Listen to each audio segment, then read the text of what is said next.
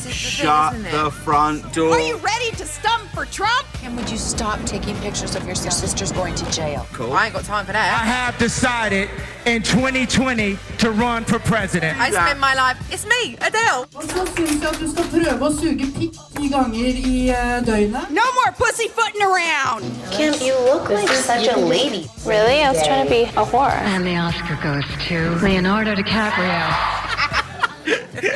Du hører på Jentegarderoben på Studentradioen i Bergen. Hei til Trump og Bush, Vilde og kosegruppa, og til alle dere som lurer på hvordan det går med Kine. Og selvfølgelig hei til dere som er psykisk syke, og dere som ikke vet at dere er psykisk syke ennå. Eh, jeg sitter her i dag med Marte Vedde, frisk og oppegående fra Ålesund. Sjalaplong. Eh, Sjallaplong. Vi er Jentegarderoben, programmet som gir deg en salig kombinasjon av politisk aggresjon og personlige historier med et dryss av klamydia på toppen. Det stemmer. Og så fin intro. Da skal jeg ta min intro. Ja. Den du hørte har den fantastiske introen. Det er vår eh, programleder og stjerne Pernille Kjølberg Vikørn.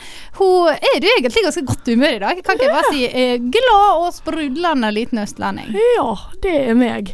Um, hvem er du i kongefamilien i dag, Marte? Eh, vet du hva, i dag er jo Martha Lois. Young, free and single. Oh my god! Ari Behn, hjerteknust og enslig. oh. Du hører på Jentegarderoben med Marte Vedde, Kine Emilie Bruland og Pernille Kjølberg Vikørn. Hadde det bare vært så vel at eh, Kine Emilie Bruland var her i dag, men det er hun ikke. Nei, hun har dødd. Hun har dødd. Neida, hun har Neida. Men eh, Kine Hun har fått er eh, Nei det er det. Gud a le. Neida. Kine har slutta. i jentegarderoben. Men uh, Kine er ikke her i dag, uh, og vi snakker alltid om hva vi har gjort denne uken. Og min uke har vært uh, så kjedelig at jeg heller skal gå inn i Kine og ta Kines uke. For det er første gang Kine ikke er med på en Jentegarderoben-sending etter at eh, vi tre tok over, holdt jeg på å si. Ja, hvis noen spørre ho, Kine hva er det verste som kan skje i ditt liv, så er det uh, nummer én uh, å eh, ikke var med i Jentegarderoben-episode. Ja, det, det er ganske ille for hun. Eh, for Kine har fått kyssesyken, Ja. eh, så hun ligger Skikkelig fjortis gjort av oss. ja. Skikkelig fjortis. Så hun ligger hjemme og gråter i feber og har det vondt. Og vi har rett og slett eh, sagt at i dag, denne uken får du ikke lov, for du får ikke lov til å stresse deg mer. Vi orker ikke at du skal få ME, det blir bare slutten. Det er slitsomt. Det hadde vært jævlig slitsomt for oss hvis hun skulle fått ME. Mm. Men en positiv ting oppi det Hun sendte jo snap til oss denne uka og spurte om noen kunne sende snus i posten. Mm. Eh, og jeg og du gjorde jo som det vanlige folk gjør, lo og tenkte ha gøy. Eh, nei. Ja. Eh, men så har vi en annen her på huset som heter Ingvild, og hun har, så i dag at rett og slett har sendt snus i posten til Kine. Kine er med mora si på Hvor er du er fra? Fana? Ja. Eh, så det, nå så jeg hun hadde fått snus i posten, og da kan jeg tenke meg at Kine Olini er fornøyd og glad oppi kosekroken sin. Å, endelig. Det er i hvert fall et lite lyspunkt i denne sykdomshverdagen, da. Eh, men Marte, har du hatt en mer spennende uke enn meg? Jeg føler at vi alltid sier det. Bør vi egentlig bare slutte å snakke om hva vi har gjort på? Eh, nei, vet du hva, jeg har engasjert meg vanvittig i en sak denne uka, som jeg ofte gjør. Eh, denne saken syns jeg er liksom det, det har vært en sånn skikkelig eh, ond sak. En ekkel sak. Det er rett og slett saken om hun Merete og hun Malika som um, ikke gikk overens. Ja, og Malika gikk inn i frisørsalongen til hun Merete. Merete sa nei, du får ikke lov å klippe det her fordi jeg blir redd for min sikkerhet når du kommer inn med hijab. Og de har altså vært altså, så uvenner. Det har vært, eh, det har vært i rettssak. Hun Merete ble dømt til å betale 10 000 kroner i var noe oppreisning. riktig og, riktig og riktig. Eh, Riktig, men hun har anka, så vi får nå se nå hvordan det går. Eh, men det som har skjedd denne uka, er at eh, hun Merete Og jeg syns det passer så bra at hun heter Merete. Hun Merete hun har rett og slett gått ut og sagt at nå er ikke hun redd for hijab lenger. Wow, gratulerer med dagen, Merete. Du, what a hero. Hun er fortsatt redd for nikab, da. Ja. Men den, vi kan ikke forvente at alt løsner seg på en gang. Nei. Det er jo Merete Det som har skjedd, er at Merete har rett og slett og snakka med Malika. Eh, Ah. De har fått en samtale, og nå har hun skjønt at det er forskjell på ekstremister og muslimer. Det er et billedlig eksempel på hva som burde skje i verden, eller? Ja, jeg tenker at folk er eh, Det at folk ikke klarer å Eller generaliserer på den måten, da. Det er jo veldig gøy, syns jeg. Eh, Jeg syns det, er- det er både skremmende og gøy, men spesielt gøy når det var en samtale som løste det hele her. Ja, Det er så jævlig ryddig, da. Ja da. De har Altså sånn Det er ordentlig oppvaskmøte, da. Ja, jeg føler bare at uh, hvor, hvor er FN? Hvor Ja. er eh, Nato? Hvor er eh, lederne? Eh, altså, De burde jo se på dette eksempelet her. Og se, her hadde du de to ytterkantene i debatten. Mhm. Eh, toleranse mot eh, toleranse, egentlig. Eh, og der ble jeg enig. Hvem skulle trodd? Hvem skulle trodd? Så det, det setter jeg Det vi, kan vi prise oss lykkelig over. Skal dagens lærdom være sånn Snakk med en muslim. Ja. Var ikke det en kampanje en gang? Snakk med, snakk med en du ikke, ikke tror du liker. Altså Snakk med en du er redd for. Ja. Ja. Det blir veldig slitsomt for meg når jeg må Nei. snakke med frosker og terrorister, da. Ja, ikke sant. eh, eller mensjonister. Hvem vet. Eh, men vi har jo Det er jo bare meg og Marte som kjører single race i dag, eh, og det er jo gøy. Eh, så vi har masse spennende vi skal snakke om. Vi må nødt til å si en ting, da. Fordi at det, det er jo jævlig trist at Okine ikke er her. Eh, og så tenkte vi sånn Faen, blir det litt for mye med bare det med Pern? Burde vi ha en gjest? Men så tenkte vi nei, vet du hva, det, Mm. Det er faktisk ingen. ingen. som kan erstatte Okine. Det blir ikke bra. Nei. Men så helt på tampen eh, så fant vi rett og slett en gjest.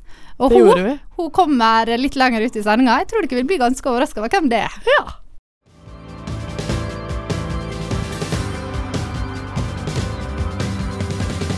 Hallo, det her er Sondre Justad. Jeg vil bare si at jeg syns at jentegarderoben er sykt sexy. Vi har egentlig eh, litt sånn temasending i dag. Vi skal snakke om psykisk helse. Eh, det er et veldig viktig tema, og i den anledning må vi selvfølgelig snakke om Donald Trump. Ja, det syns jeg passer bra, faktisk. Fordi det var jo verdensdagen for psykisk, psykisk helse nå på mandag. Det var det. Uh, Og derfor syns vi det er viktig å ta det opp, da. Det er veldig viktig. Vi skal snakke om psykisk helse på et litt mer personlig plan senere i sendinga, men akkurat nå må vi snakke om det på et verdensplan. Ja. Uh, Donald Trump han har vært ute. Eh, han har vært ute mange ganger, skulle nesten tro han var ute hele tida. Eh, men han har vært ute og snakka om kvinner, snakka om å ta kvinner på tissen. eh, og snakka om å rett og slett forsyne seg Ja, av eh, det må være lov å ta buffeen. Det må være lov å ta buffeen, uh, syns i hvert fall Donald Trump. Ja. Uh, verden har reagert veldig kraftig på dette her. Um, jeg syns det er litt rart at verden har reagert så kraftig, men hva, uh, fordi det, Reagerte vi så kraftig i forrige uke? Eh, Det, var jo, det er jo det, da. Altså sånn eh, Jeg vil bare begynne med at det, vi ikke trodde var mulig, altså at Donald Trump skulle stikke hodet sitt enda lenger opp i rumpehullet sitt, det skjedde. Uh, og det, var jo litt, det er jo på en måte alltid en god ting, da. Men jeg syns det er jo Det er på en måte veldig sånn Han har sagt noe i et lukket rom. Mannegruppa Ottar sa noe i et lukket rom. Vi rager og blir kjempesinte på Donald Trump. Eh, mannegruppa Ottar, vi blir sinte, men så tilgir vi dem fordi at det, er lov å tulle med alt. Ja, men det som er problemet, er jo at eh, 2016 Det er rett og slett året dårlige vitser legitimerte Ja. mannssjåvinisme. For det som skjedde med mannegruppa Otta, de, eh, altså mm, eh, saken, det var jo det at disse jævla drittvitsene kom og ødela alt. Det var noen som begynte å kommentere vitsene, og det var ikke det vi skulle kommentere. Vi skulle kommentere det kvinnefiendtlige, faenlige, kvinnefiendtlige. De dreiv og skrev. Uh, det som Donald Trump har gjort feil her, er jo at han skulle jo sagt um, I love attractive, wo- uh, attractive woman. I want to grab their pussy. Uh, and how many babies can you uh, Provide provide for throwing at the wall and uh, making it red? Ja. Eh, altså, det jeg sa på norsk Jeg skulle avslutta med en død baby-vits. ja, for det ler alle av, og det syns alle er veldig morsomt. For da tar du fokuset veldig vekk fra kvinnehatet og over på dårlige vitser. Og det er jo det som på en måte er eh, Jeg føler at vi nevnte det forrige uke, men jeg vet ikke helt. Jeg føler at det er viktig å nevne det igjen. At det er det som var så jævlig dumt med den debatten om Ottar. At eh, folk begynte å liksom trekke inn disse, den dårlige humoren, da. Som, ikke, som er så langt unna saken, da. For at det, ja, eh, på et på et vis så gjør de den dårlige humoren det sånn at vi legitimerer eller sånn Vi kan legitimere vitsene deres og legitimere mannssjåvinisme, fordi at det er jo bare humor. Men det er jo ikke det det handler om, for det handler jo om den kvinnefiendtligheten de har. da. Ja. Og bare det at eh, Trump kan gå ut i 2016 og melde kvinnehat eh, Nei, ikke kvinnehat, ikke kvinnehat, men locker room talk er jo også litt sånn Ja, det er ganske spesielt. Jeg er faktisk med i garderobe som heter Jentegarderoben. Det er ikke sånn man snakker i garderobe. Veldig mange athletes som har vært ute eh, og sagt at det er ikke, heller ikke sånn man snakker i ei sportsgarderobe. Ja. Men man kan bare få lov til å ja. Kan jeg bare få lov til å komme med en liten, liten mm, rant her nå? Eh, det er altså noe som provoserer meg. Fordi, ok, nå har Trump han har vært ute og sagt dette der. Mannegruppa Ottar, eh, eller Fjolleguttene fjo- fjo- Fjortis, har vært ute.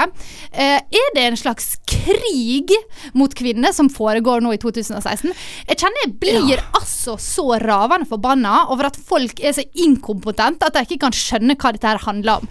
Vet du hva, Det er så mye aspekt ved det å være kvinne som man bare aksepterer blindt, som man ikke skjønner at er en del av den mannssjåvinistiske drittkulturen vi har i dette landet. Det å gå hjem alene og være redd, det er helt normalt. Ja. Det skal faen ikke være normalt. Bare det at foreldrene dine må si til deg Du må passe på å ikke gå hjem alene. Ta heller en taxi. Vi betaler for taxien. Vi vil ikke at du skal gå hjem alene. Bare at det er behov for å si det. Det er jo det som er feil. At, det liksom, at jenter skal gå rundt og være redd. At jenter ikke skal reagere og bli kalt drittbitcher hvis de sier ifra når noen tar dem på rumpa uten oppfordring. Eller tar de på fitta i en heis, liksom. Ja, det at sånn én av fem jenter under 16 år har, og under 16, da har du ganske mange år der du ikke har vært en del av uh, omverdenen, mm. har opplevd uønska seksuell oppmerksomhet. Det er sånn som man tenker at det er normalt. Sånn er det bare å være kvinne. Og ja, det er mange aspekt ved å være mann som også må jobbes med, men kan vi for faen legge fra oss det? Jeg kjenner jeg er så drittlei. eh, at de ikke forstår at denne måten de prater om kvinner, er det som gjør at vi er redd for å gå ute på kvelden. Ja, og jeg kan fortelle dere en historie. Eh, Jeg husker første gang jeg fikk eh, uønsket seksuell oppmerksomhet. Jeg var tolv år. Jeg var på dans... På Kiel-ferja. Color Line Magic eller noe. Og så gikk jeg Jeg hadde jo pønta meg litt, ikke sant. Skulle hjem og ha Eller skulle ha noe sånn Vi skulle på sånn fancy middag og sånn, så måtte pynte seg litt. Og så står jeg i en kiosk og skal kjøpe et eller annet sånn is eller en sånn bamse eller et eller annet sånn teite ting som man kjøper når man er tolv år. Og så kommer det en mann bort til meg som er noen og tjue, kanskje. Og, og så begynner han å snakke til meg på en veldig sånn flørtende måte. Og jeg var tolv år, eh, og jeg tenkte bare sånn Nå, dette er de, de mennene som du ikke skal ta godteri fra, liksom. Og jeg løp. Ja. Eh, men det er sånn bare det at man som tolvåring opplever sånne ting, at folk tenker at det, ja ja, hun ser Ja. kanskje litt eldre ut. Altså, det er fælt. Altså, Jeg kan være helt ærlig. Jeg kan komme med en confession. Det er ofte sånne ting har skjedd med meg, og jeg har avblåst det. Eh, jeg husker en gang vi var i, i fjor sommer, så var vi i Palma. Pialma del Mallorca er jo Anne Martine og Birten. Og da var det, gikk vi bortover gata, og så var det to gutter, sikkert 15-16 år, ganske unge gutter, som går forbi oss, og så slår han ene på rumpa til Anne Martine. Ja. Eh, og jeg og Birten vi fortsetter å gå, fordi vi ante ikke hva som hadde skjedd. Og så plutselig snur vi oss, og da står Arne Anne Martine altså, og kjefter huda full på disse guttene. Og så sto og skreik på engelsk til dem, og vi lo så hardt. Og når hun liksom kom ned til oss, så sa vi bare herregud, de er jo bare sånn 15 år, de syns det er gøy med turister. ass. Ta nå. Og så, men vet du hva, nå når jeg ser tilbake, så tenker jeg Nei, det er faen ikke greit. Nei. 15 år gamle gutter skal ikke føle seg til rette at de bare kan slå ei jente på Nei. rumpa. Og det er sånn vi gjør. Kvinner, vi, vi legitimerer at menn tar på oss når vi ikke vil at de skal ta på oss, for vi tenker ja, ja, menn er bare menn. Ja, Og, og den der, bare Hvor mange ganger har du ikke blitt slått på rumpa, og så har du bare liksom gått videre, eller bare sånn ja ja, eh, altså sånn, ja ja, det er offentlig eiendom, liksom. Altså sånn, At ikke man tenker det, men allikevel så er det sånn Ja ja, men det er jo ikke min rumpe, så det var greit at han slo på rumpa mi. Altså sånn, Ja. Bare sånn Det at eh, jenter også har de tankene, da, det er jo så feil. det er så feil, og det som også er sykt, er at man tenker sånn Vet du hva, jeg gidder ikke å ta den kampen, for det som skjer hvis ei kvinne reagerer, så er det sånn Ro ned, da! Har du mensen? Har du mensen, eller? Å, skal du klikke helt rabiat nå, da? Og det er også noe vi må jobbe med. Uh, du kjente at hele dette stikket skulle handle om Donald Trump, ble en rant mot menn. Det er sånn som det ofte blir her i jentegarderoben. Ja, men det må være greit, Men jeg tenker jeg syns faktisk dette her er, Nå har det gått for langt. Mm. Kan vi nå, nå må det faktisk skje noe. Full skjerpings, liksom. Dette her Vi orker ikke mer. Nei, jeg orker ikke mer. altså sånn, Jeg òg kjenner på meg selv at jeg må bli tøffere, og jeg må tørre å si ifra. Nei, det er ikke greit. Ikke ta meg på rumpa. Jeg driter i om du tror jeg har mensen, men det er ikke det det handler om. Men jeg vil ikke at du skal Det er min kropp, liksom. Jeg vet det. Stopp, det er min kropp. Mhm. Stopp, det er min kropp. Du hører fortsatt på Jentegarderoben, en podkast her på Studentradioen i Bergen. Nå har det skjedd noe gøy, eh, for vi har fått en gjest inn i studio. Og det er veldig gøy at denne gjesten er her akkurat i dag når Kine er syk. eh, Fordi vi har fått besøk av Ulrikke Falk. Hei. Hei, hei. Så hyggelig at du ville komme til Takk oss. for at jeg fikk komme. Veldig gøy. Hva gjør du i Bergen egentlig? Jeg besøker tvillingsøsteren min. Ja, så du er på besøk. det er besøk. bare kosebesøk. Mm. Det er gøy.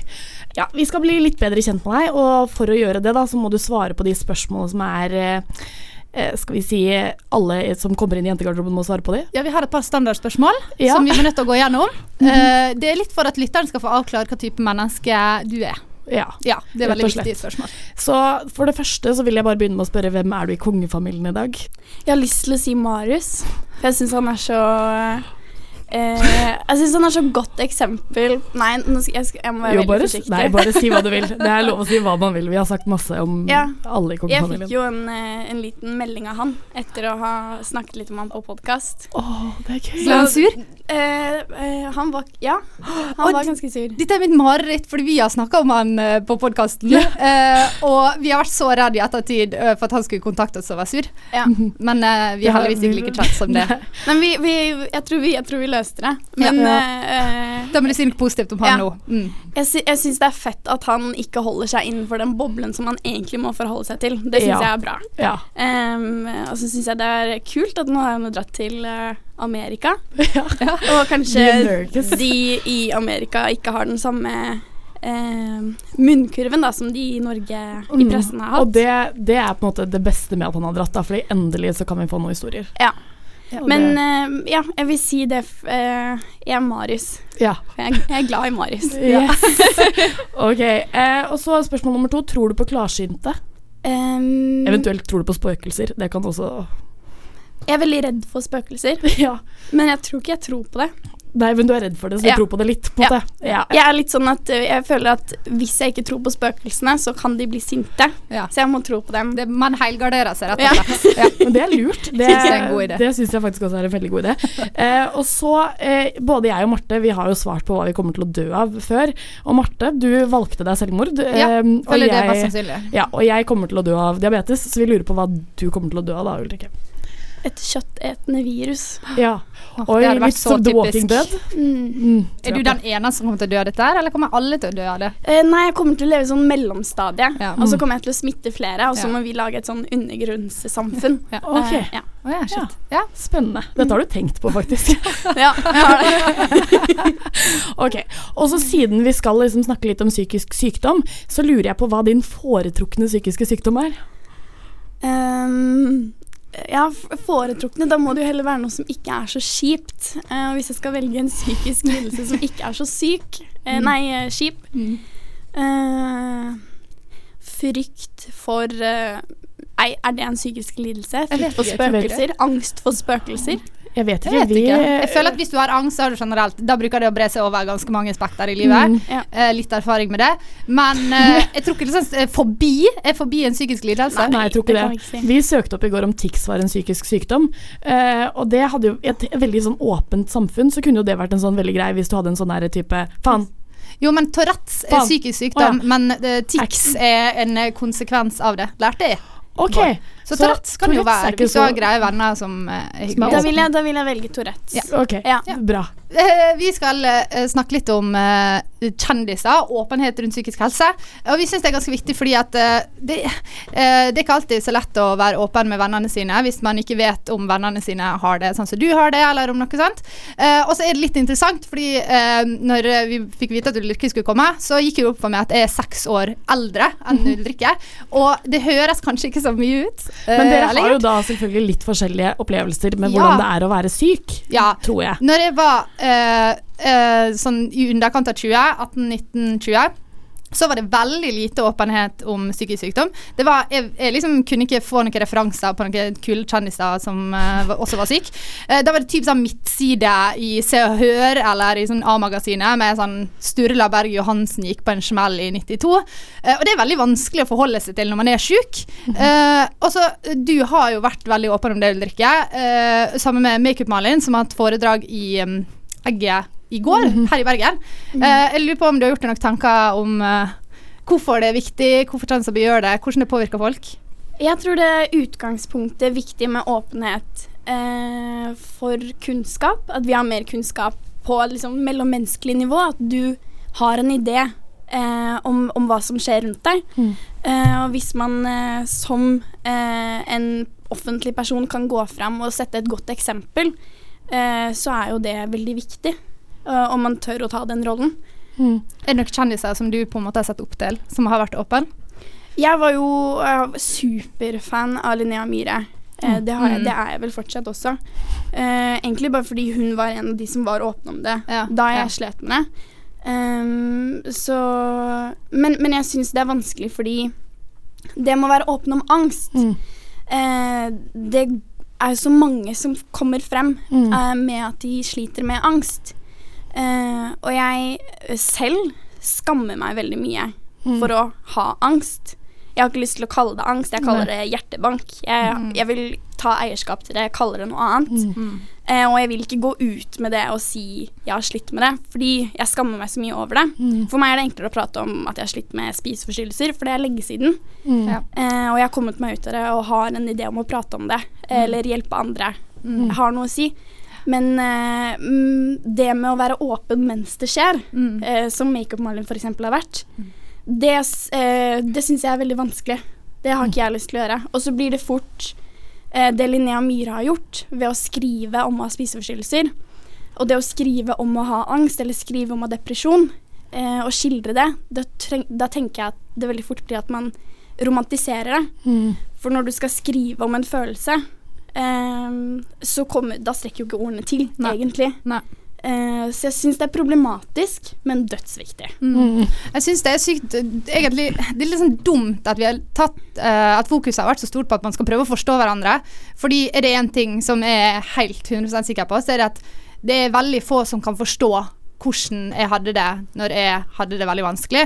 Eh, selvfølgelig andre som sleit med det samme, men folk som ikke har hatt angst eller panikkangst, de kommer aldri, heldigvis, til å forstå hvordan jeg hadde det. Og det var egentlig ikke poenget heller, at de skulle forstå meg. Og jeg syns det er litt sånn synd at det skal på en måte ta så mye plass, for det handler jo mer om å heller um, ha forståelse for begrensningene det kan gi et menneske, eller ha eh, forståelse for hva de trenger, da. Mm. Uh, ja.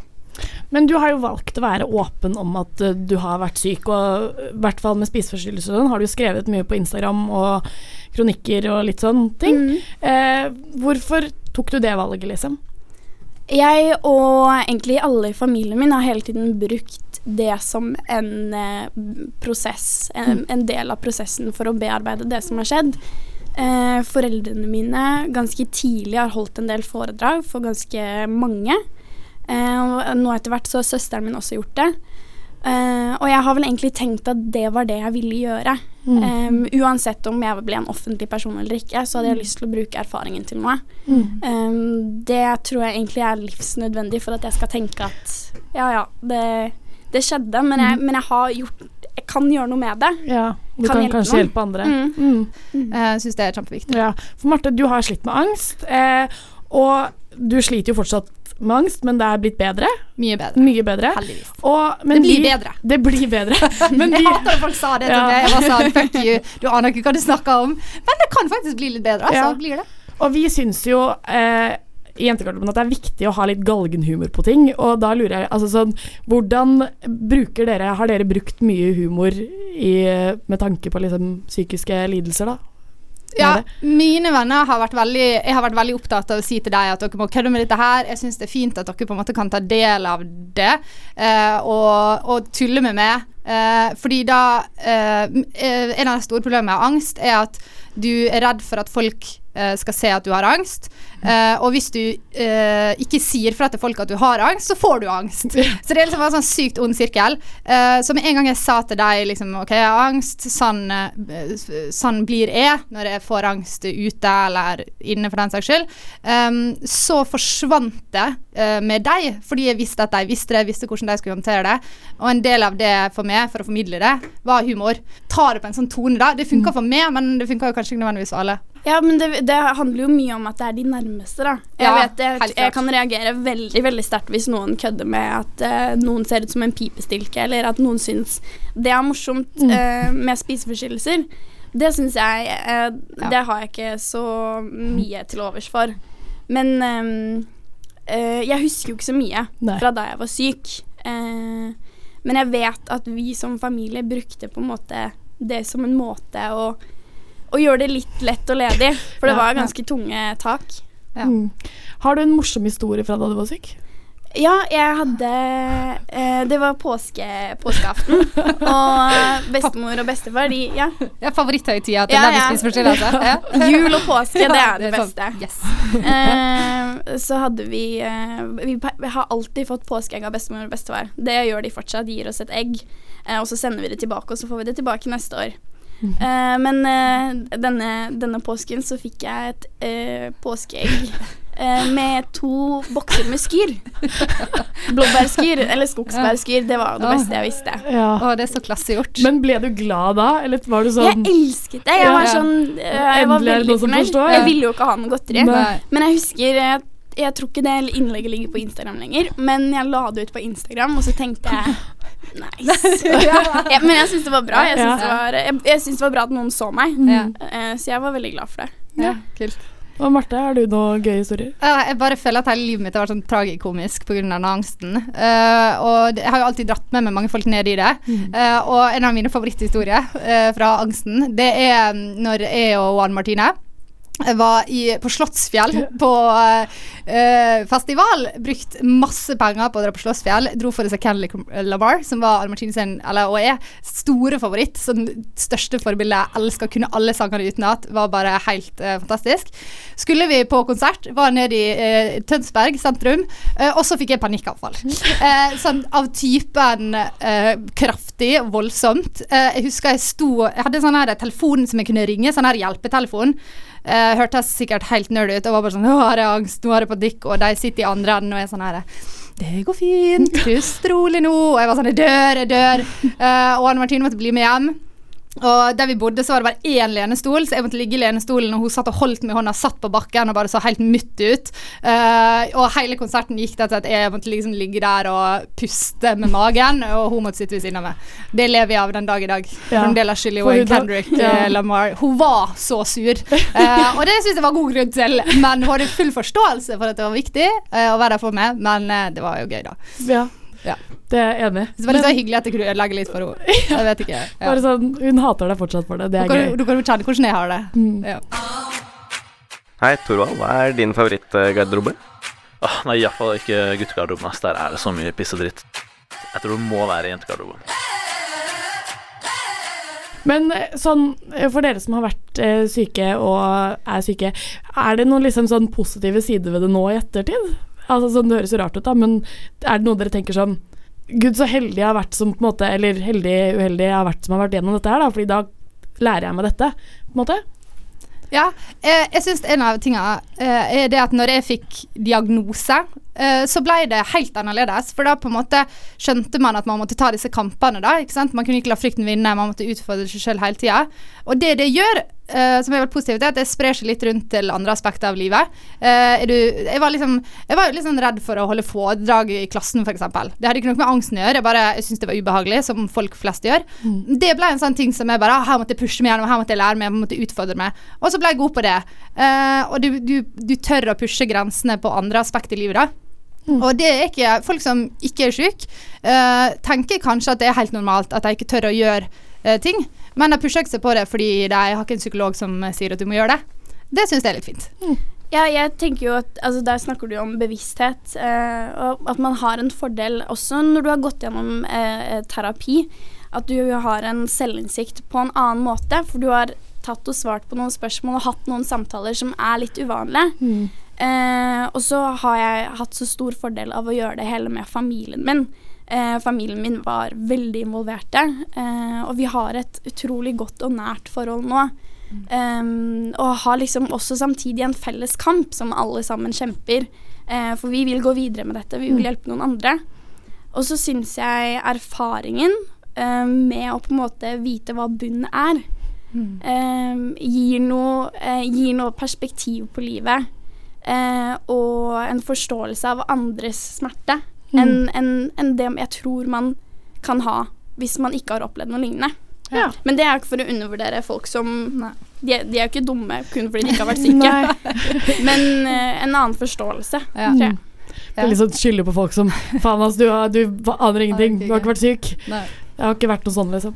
Nei, men du får jo Det er jo helt klart at når du har vært på bunn, så er det noe du bærer med deg, den frykta av å havne der igjen. Det er jo på en måte baksida. Jeg vil aldri slutte å være redd for å havne der igjen. Men på annen side så er jo ingenting kan sammenlignes med eh, bunn. Eh, og da blir jo livet generelt litt sånn ja ja, shit au. Ingen penger på konto. Det driter jeg i, for det går fint. For jeg har det i hvert fall bra. Og det er jo litt greit, da. Jeg tenker at det viktigste som alle sammen skal eh, Det man skal tatovere på kroppen, om man skal tatovere noe om psykisk helse på kroppen, så skal man tatovere 'Psyken er din venn, ikke drit i den'. Det tenker jeg på en måte er det viktigste, da. Litt sånn med mange aspekter i livet. Vaginaen din er din venn, ikke drit i den. Ja, den er veldig viktig, men det er til en annen podkast. Det er til en annen er podkast. Tusen takk for at du kom! Det var veldig gøy, Ulrikke. Vi skal snakke litt mer om eh, oss selv, som vi alltid gjør.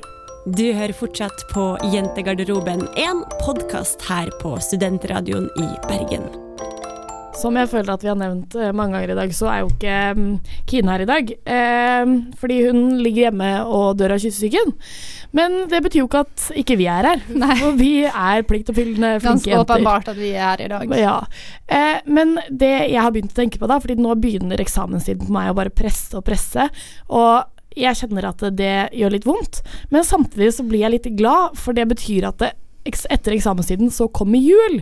Og det er bare ti uker til, så jeg tenker at det, gleder du deg til jul da? Jeg Ja, egentlig så er jeg så er sykt sånn her eh, Elsker tradisjoner. Mm. Eh, er jo i eh, det jo, Vi har jo snakka litt tidligere om at det er veldig vanskelig å være prinsippfast og eh, et menneske. Ja. Eh, og jeg er egentlig veldig prinsippfast på at eh, jul er kristen høytid, og jeg er ikke kristen. Eh, Men jeg liker veldig godt Tre nøtter til Askepott, eh, være med familien, gosse med meg godteri fra julestrømpe. Jeg er veldig glad, egentlig. Og jeg liker hele konseptet med at alle reiser hjem på ferie, alle hjemme i Ålesund. Mm. Eh, det er veldig hyggelig. Du, da? Nei, altså, jeg også er veldig sånn Jeg blir jo som en sånn, et sånt lite barn, bare sånn Altså, alt skal være så hemmelig, og jeg gleder meg, og det er bare den der gleden inni meg, da. Og, jeg, og den kjenner jeg på hvert eneste år. Men det jeg har begynt å liksom forstå, da, er at eh, hvert eneste år så blir jeg skuffa. og det, det er jo litt fælt å si det, men, men man tenker liksom at julen skulle, er nå som den var da du var fem år, og det er den ikke lenger. Og det syns jeg er skikkelig trist. Så jeg blir sånn der, jeg blir så sykt barnslig, da. Altså sånn, Hvis mine foreldre finner på å spørre om jeg kan skrelle poteter på julaften, så blir jeg sånn Stop a minute, wait a minute. Hello. Jeg er et barn. Hvorfor ber du barnet ditt gjøre ting? Dette er ikke greit for meg. Alt skal liksom skje i denne denne fantasien jeg har lagd, sånn skal alt bli. Og jeg begynner å grine. Jeg blir bare verdens mest fjollete menneske, da. Men, jeg, men jeg klarer ikke å la være. Det er det som er så dumt. Åh, jeg Nei, sånn jeg, jeg kjenner at når du spurte meg, så eh, faktisk prøvde jeg å gjøre det litt sånn rosenrett eh, denne jula, men det, det er jo ikke det. Eh, faktisk, eh, nå kom jeg på, eh, det er kanskje ikke mer enn sånn to-tre dager siden, eh, så ringte storesøstera mi til meg. Jeg har, altså sånn, jeg er yngst, jeg er veldig appoglatt Jeg har mm, eh, ei søster som er syv år eldre enn meg, og ei som er ni år eldre enn meg. Eh, begge har familie og barn. Og Mhm. ene bor i Oslo, og andre bor i barndomshjemmet mitt i Ålesund. Eh, i Eh, og hun ringte meg for noen dager siden eh, og så eh, spurte Hei, Marte. Eh, hva, har du tenkt noe på jul i år? Eh, har du lyst til å feire jul med oss? og så tenkte jeg sånn Først så var jo liksom Det er jo veldig hyggelig. Jeg er veldig glad for å bli invitert. At hun tantebarn syns det er jævlig hyggelig, liksom. Men så etter hvert når jeg la på, så altså, begynte hun å gå på meg at det jeg er en jævla kinkig alder. Jeg har rett og slett blitt Jeg har blitt hun tanta Ja. som blir invitert på julaften oh. fordi hun ikke har noen andre plasser å være. Sånn har det altså blitt. Oh. Og det er jævla trist. Uh, men uh, For jeg også har veldig lyst til å stå opp når jeg vil. Ikke Mm. våkne av at han pappa støvsuger. Jeg har lyst til å våkne når jeg vil. Jeg har lyst til å gå ut. Jeg har lyst til at det skal ligge et pledd klart. Jeg har lyst til å se på alle filmene. Spise godteri, bli varta opp. eh, og har lyst til å være Jesus-barnet. Ja. Eh, Det er egentlig det vi har lyst til å ligge i krybben og bare bli tatt vare på. Få tre vise menn som kommer og sånn. Det, det, på en måte er, det er det jeg vil. Og, men det på en måte tar meg hvert år, da, er at eh, jeg må slutte å oppføre meg som en jævla drittunge. Men jeg klarer ikke å la være. Jeg blir så lei meg. Og, det, og så er det også et eller annet med det, noe jeg syns er veldig irriterende, noe helt annet, da. Men det er sånn når alle vennene kommer hjem, og så er det sånn ja, nå skal vi ha, feire nyttårsaften, f.eks. Eh, og, så og så begynner folk sånn nei, jeg vet ikke om jeg kan feire nyttårsaften fordi at eh, jeg skal feire med kjæresten min. Og så blir jeg litt sånn wait a minute. Kjæresten du bor med eh, er med hver eneste helg, har feira jul med. Skal du være med han på nyttårsaften? Vennedagen over alle vennedager? Jeg skjønner ikke. Det var jævlig gøy at du sa, fordi at eh, nå, hadde jeg, nå hadde jeg tenkt til å eh, liksom si sånn Ja ja, jul er kjip, men romjula er jo hyggelig. Men det som har skjedd med meg også, er at vi er kanskje sånn tre venninner, fire venninner som er single. eh, og resten har kjæreste.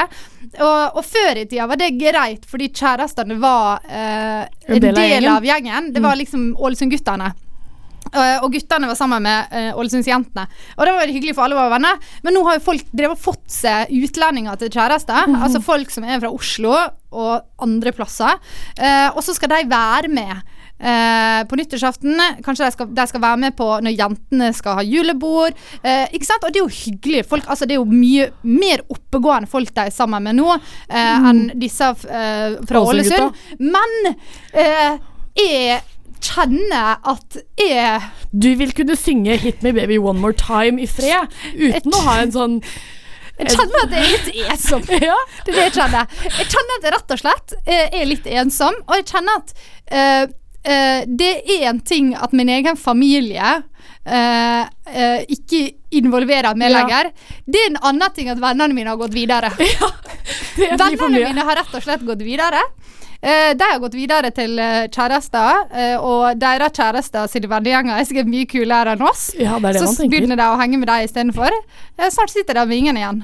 Det, det er trist. Det er Og jeg synes, men jeg syns det er litt fint at vi kan si dette her, Fordi hadde vi sagt dette her eh, hvis Kine ikke hadde vært syk, da, så hadde hun stått der og bare Nei. Hun blir så Nå no. når vi er må sutrete. dere gi dere. Jeg klarer ikke å snakke bergensk, det var helt tydelig, men Jo, men hun blir sur på oss når vi føler oss entitled. Ja. uh, og det er fordi at hun, Kine hun er midterste barnet, Ja. og hun aner ikke hvordan det er å være minstemann. Minstemann har fått det sånn som man vil hele livet. Med en gang man ikke får det sånn som man vil, så går det rett på personligheten. Man går rett i kjelleren. Jeg har aldri grenet så mye som på bursdagen min og på julaften.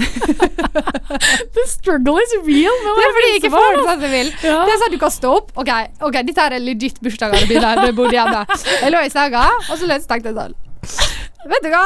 Nå lover det er bare sånn tre pakker der ute, og i fjor var det fire, og nå er det ingen som bryr seg. Og så går du inn på stua, og så er hele familien sånn Hei, gratulerer med dagen! Og så fortsetter de med sin egen greie. Så er jeg sånn, ja. Hei, jeg bryr seg, det er greit, Jeg har gave, bare Det- tre stykker. ja. Altså, altså, jeg blir så selvoppfyllende Det, profeti. det at min familie ikke har forståelse for at jeg våkner tidlig på bursdagen min og ikke og velger å sove lenge selv om det er lørdag, når jeg har bursdag, kan ikke komme inn klokka syv på rommet som de ville gjort hvis det var en ukedag. Jeg. Jeg våkner. Vær så snill. Det er helt. Folk er så jævla u... tar så lite hensyn.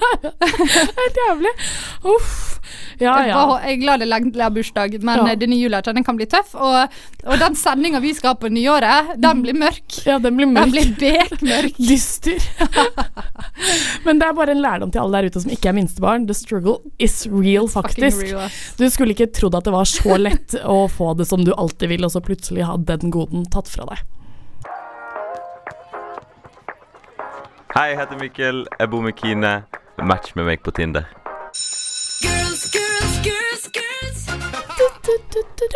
Yes.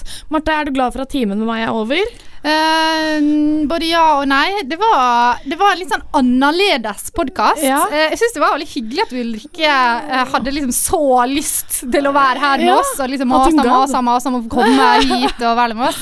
Eh, og, eh, men jeg vil ha Okine tilbake. Gleder meg veldig til neste uke når Okine er her frisk som en fisk, forhåpentligvis. Ja, vi skal Hvis ikke så må vi ha en annen jævlig kul kjendis. Så jeg tror faktisk ikke Jeg tror ikke vi kan toppe denne. jeg tror ikke vi kan toppe det. Jeg tror ikke det går. Ja, det er ganske kult, fordi at eh, dette er sannsynligvis første og siste In- altså sånn gjest samtale, vi kommer gjest til å ha. til å ha, ja. Og jeg syns det var bra at vi, vi tok fra toppen av rekka. Da, Vi sånn. valgte bare kremen av Vi tok bare rett på Og det var gøy.